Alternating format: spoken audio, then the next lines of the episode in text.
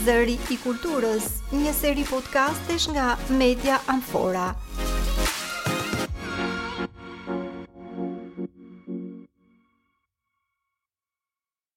E i përshëndetje miq, jemi së bashku në podcastin e radhës në këtë vigjilje festash, ku do të flasim sërish për nismën Qyteti që rrëfen.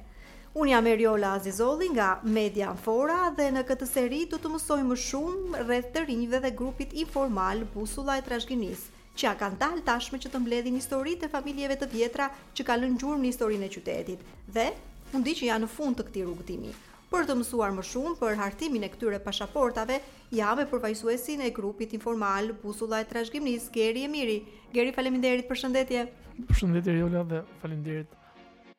si dhe me video editorin e videove Kultura në një minutë, Arlind Veshti. Përshëndetje. Arlindi faleminderit që je me ne sonte. Faleminderit për ftesën. Geri, unë di që ju jeni tashmë në fund të kësaj nisme dhe ia keni dalë më së miri që të bëni atë që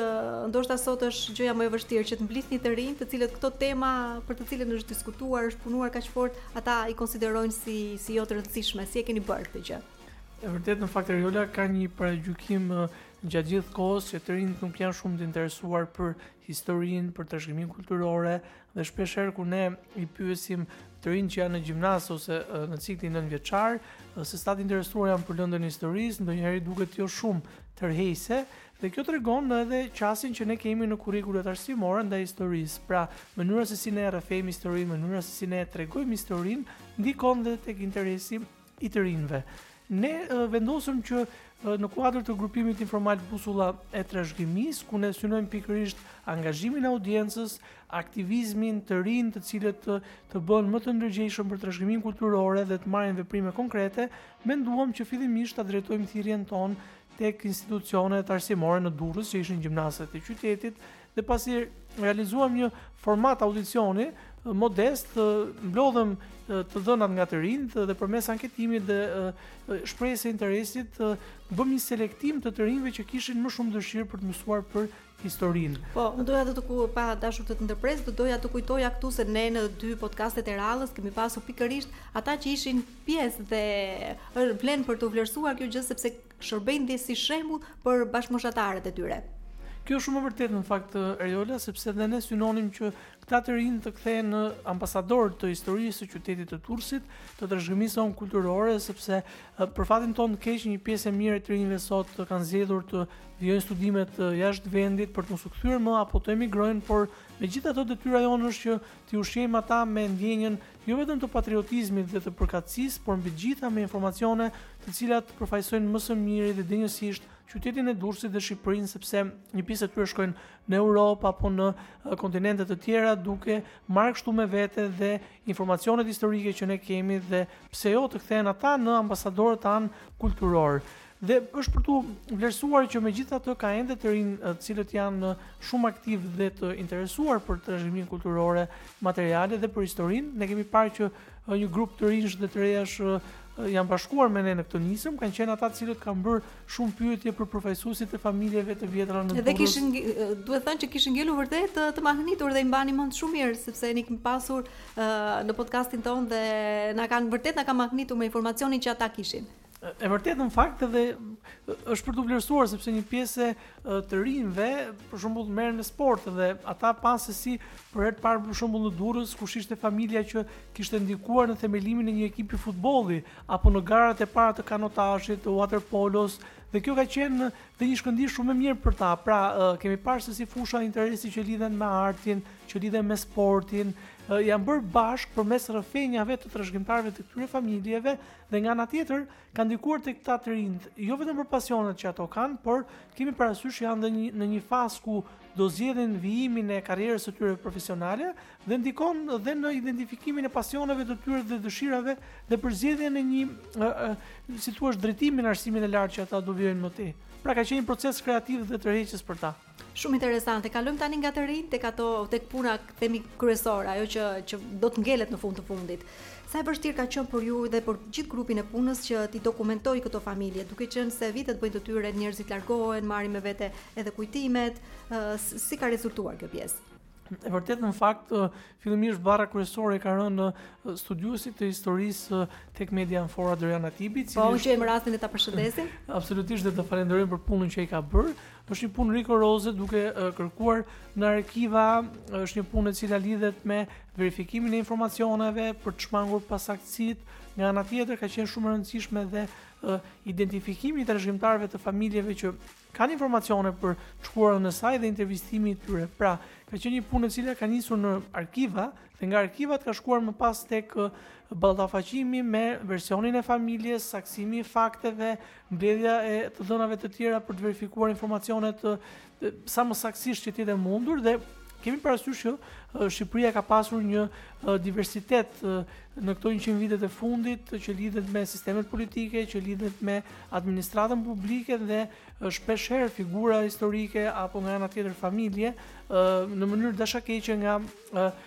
institucionet shtetërore sipas regjimeve përkatëse politike i kanë dëmtuar të dhënat për këto familje apo i kanë sjellë në një dritë të pavërtetë pra shpeshherë ne kemi parë se si gjatë periudhës së komunizmit për shembull ata të cilët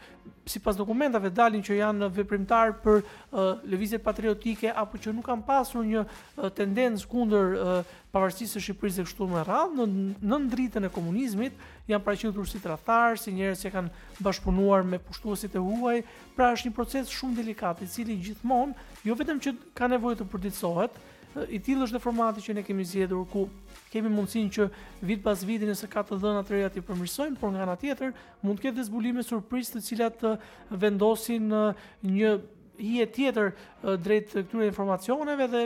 mund të bëjnë një hedhje poshtë të tyre apo një provim të mëtejshëm. Pra është një proces shumë delikat, duhet thënë kjo. Mhm. Nga ana tjetër të kalojmë tani tek Arlindi, pun pa punën e të cilit i gjithë ky projekt nuk nëse nuk do të ishit ju, nuk do të ngelej, sepse ajo që ngelet dhe që është në vazhdimësi është pikërisht dokumentimi, që në këtë rast janë videot.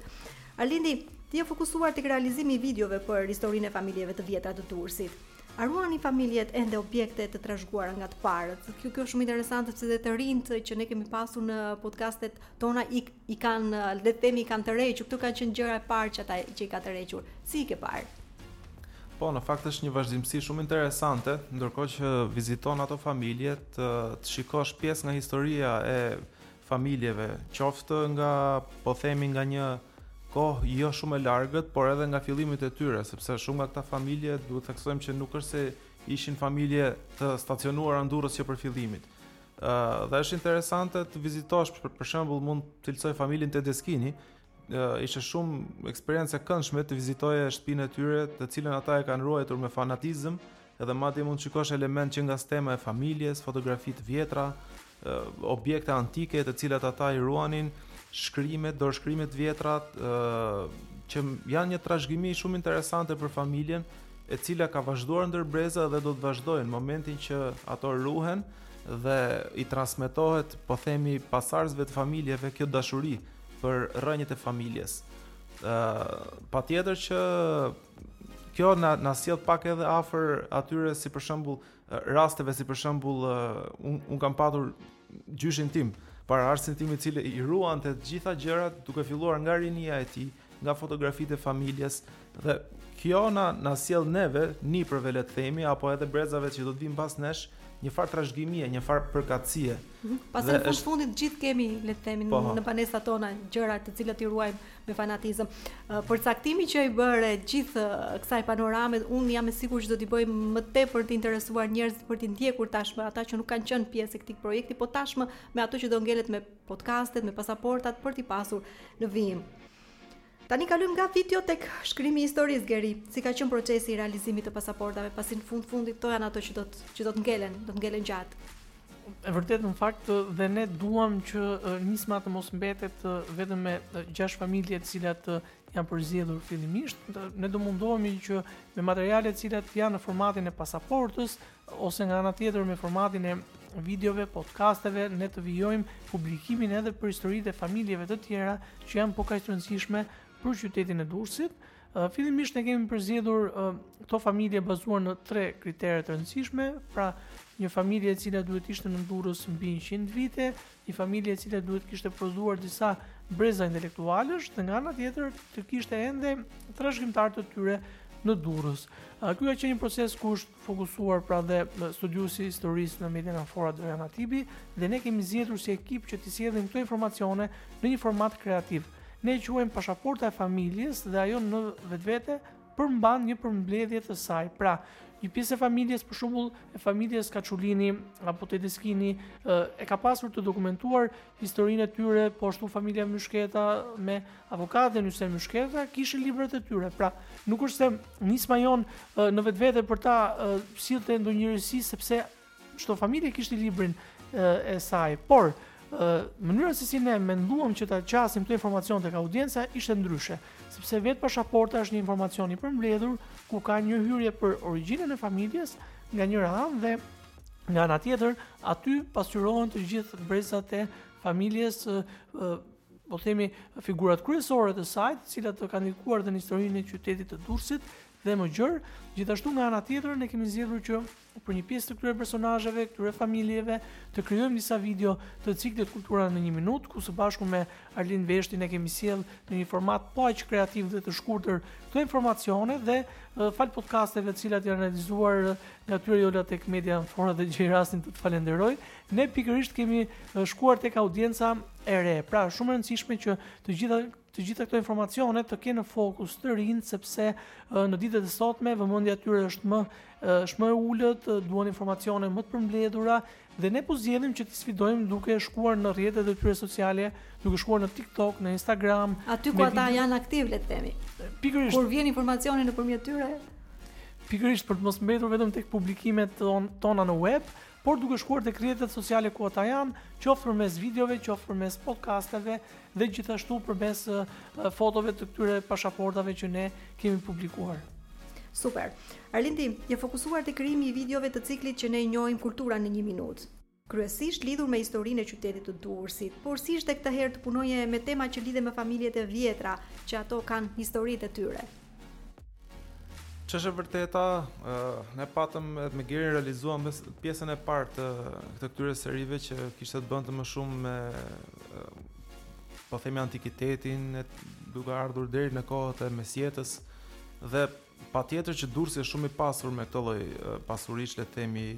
arkeologjike, lokacionet e tjerë Është ishte pak e vështirë për familjet në fakt sepse shumë nga familjet janë zhvendosur, nuk mund të gjesh më ato lokacionet që përmenden në histori apo institucionet që mund të përmenden aty dhe kemi kemi hasur në fakt pak vështirësi me Gerin për të gjetur disa vende që të përshtateshin në lidhje me historitë që neve neve ndamë. Por besoj se pavarësisht vështirësive ia realizuam me sukses edhe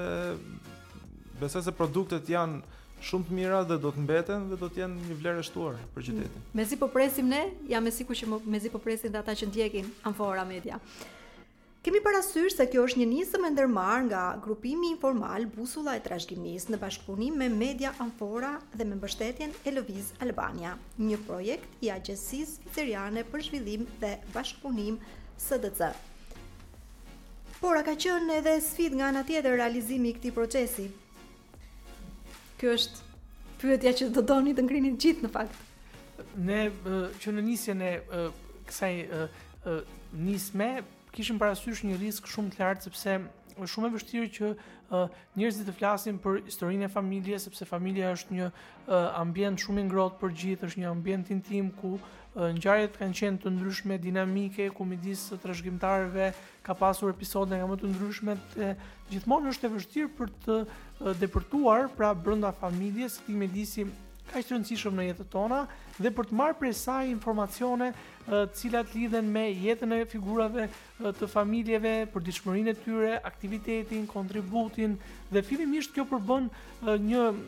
po themi, sfidë e cila duhej thyer. Pra thyrja e akullit ka qenë pak e vështirë. Nga ana tjetër kemi parasysh që një pjesë e trashëgimtarëve të familjeve janë të moshuar dhe nga njëra anë mund të jenë arsyet shëndetësore që kanë vonuar procesin, nga ana tjetër angazhimi i tyre në veprimtari dhe sipërmarrje private dhe kjo ka bërë ë si të thuash një pengesë në në pikëpamjen kohore duke kërkuar më shumë kohë, më shumë burime, më shumë energji për të mbledhur të dhënat nga trashëgimtarët e familjeve. Shpeshherë ne jemi detyruar që të pyesim disa prej trashëgimtarëve të familjes për të pasur një këndvështrim sa më të gjerë për të mbledhur sa më shumë informacione dhe kemi parasysh që Në qytetin e Durrësit, si pasojë dhe e lëvizjeve demografike, një pjesë e madhe e trashëgimtarëve të familjeve, një pjesë e qytetarëve të Durrësit kanë emigruar nga këtu dhe kjo ka përbërë sfidat e saj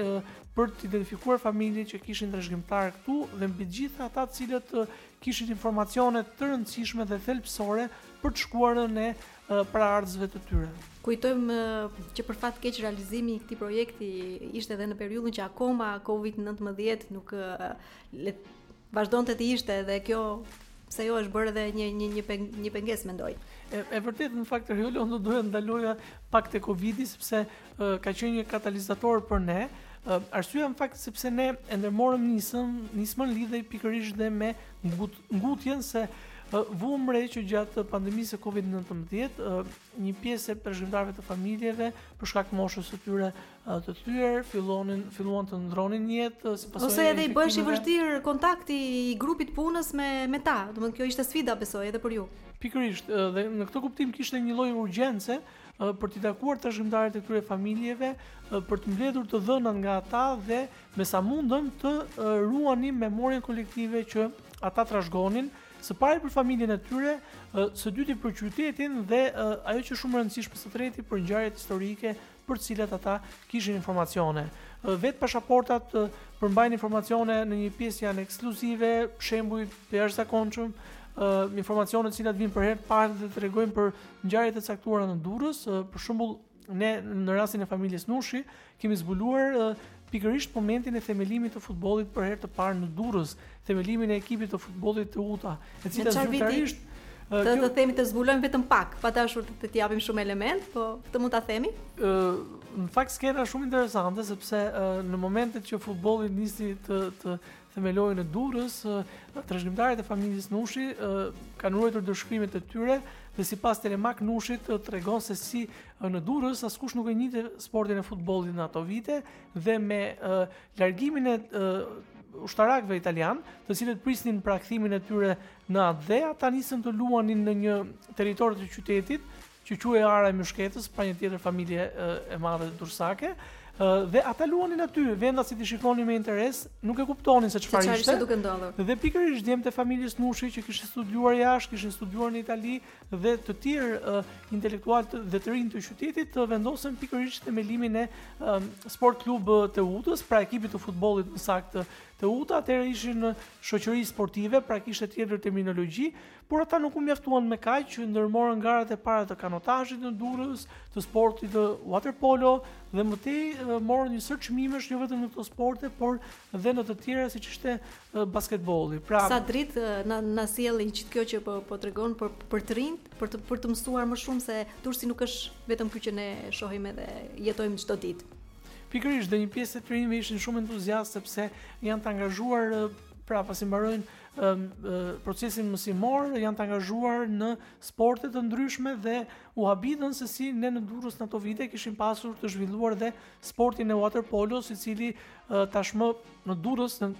mendoj dhe në nivel kombëtar nuk është se zhvillohet apo njihet mjaftueshëm. Arlind, ndërsa ju flisni, ajo çka të lë përshtypje është kur ne shohim një libër historie, një shohim një, një film historie, apo lexojmë një libër të tillë, dhe të rinjtë a i kanë përcjellë këto lloj emocione kur kanë qenë këtu, si i ke parë ata në momentin e xhirimit, se si janë përfshirë ata, si i ka përthithur e gjithë, gjithë situata, si, ka, si rezulton në atë lupën tuaj. Ç'është e vërteta është diçka shumë e veçantë, kjo seri që ne kemi realizuar për shkak se të rinjtë e sotëm janë shumë të angazhuar në gjëra të tjera, të cilat duhet pranojmë që ia ia rrëmbejnë atë fokusin kryesor për t'u fokusuar apo për të mësuar më shumë rreth fundja vendit ku jetojnë apo rreth identitetit të tyre. Dhe fatkeqësisht identiteti është bërë dixhital tashmë dhe aty është koha më e madhe që ata shpenzojnë. Dhe besoj se kjo nisëm që ne që ne realizuam është diçka shumë e mirë sepse është shumë e lehtë që t'ia çojmë aty ku ata qëndrojnë gjithë kohës. Dhe me sa kam parë unë nga feedbacku i të rinjve që kemi takuar, ata ishin goxha të impresionuar, kanë marrë informacion shumë të mirë rreth familjeve dhe madje mund të them që edhe janë interesuar ndoshta pak më shumë rreth familjeve të tyre, duke marrë shkas nga kjo nisëm. Po, përveç se kanë marrë informacion, vlen të përmendet kjo, ata janë bërë dhe përcjellës të këtij informacioni, ndonëse në rrethe më të ngushta, por në fund fundit kjo është edhe gjithë uh, pikësynimi i këtij projekti. Duke shpresuar se ju kemi dhënë mjaftueshëm informacion për këtë nisëm, faleminderit Arlin Degeri që ishit me mua në këtë podcast. Ishit me Erjola Azizolli nga Media Amfora në këtë seri të radhës të podcasteve Zëri i Kulturës. Kështu të dashur miq, ju uroj festa të gëzuara dhe të dëgjohemi në podcastin e radhës. Gëzuar. Faleminderit, gëzuar për të gjithë festa të mbara. Zëri i Kulturës, një seri podcastesh nga Media Amfora. Na ndiqni online në amfora.al dhe në platformat audio SoundCloud, Mixcloud, Google Podcast, Spotify, Apple Podcast dhe YouTube.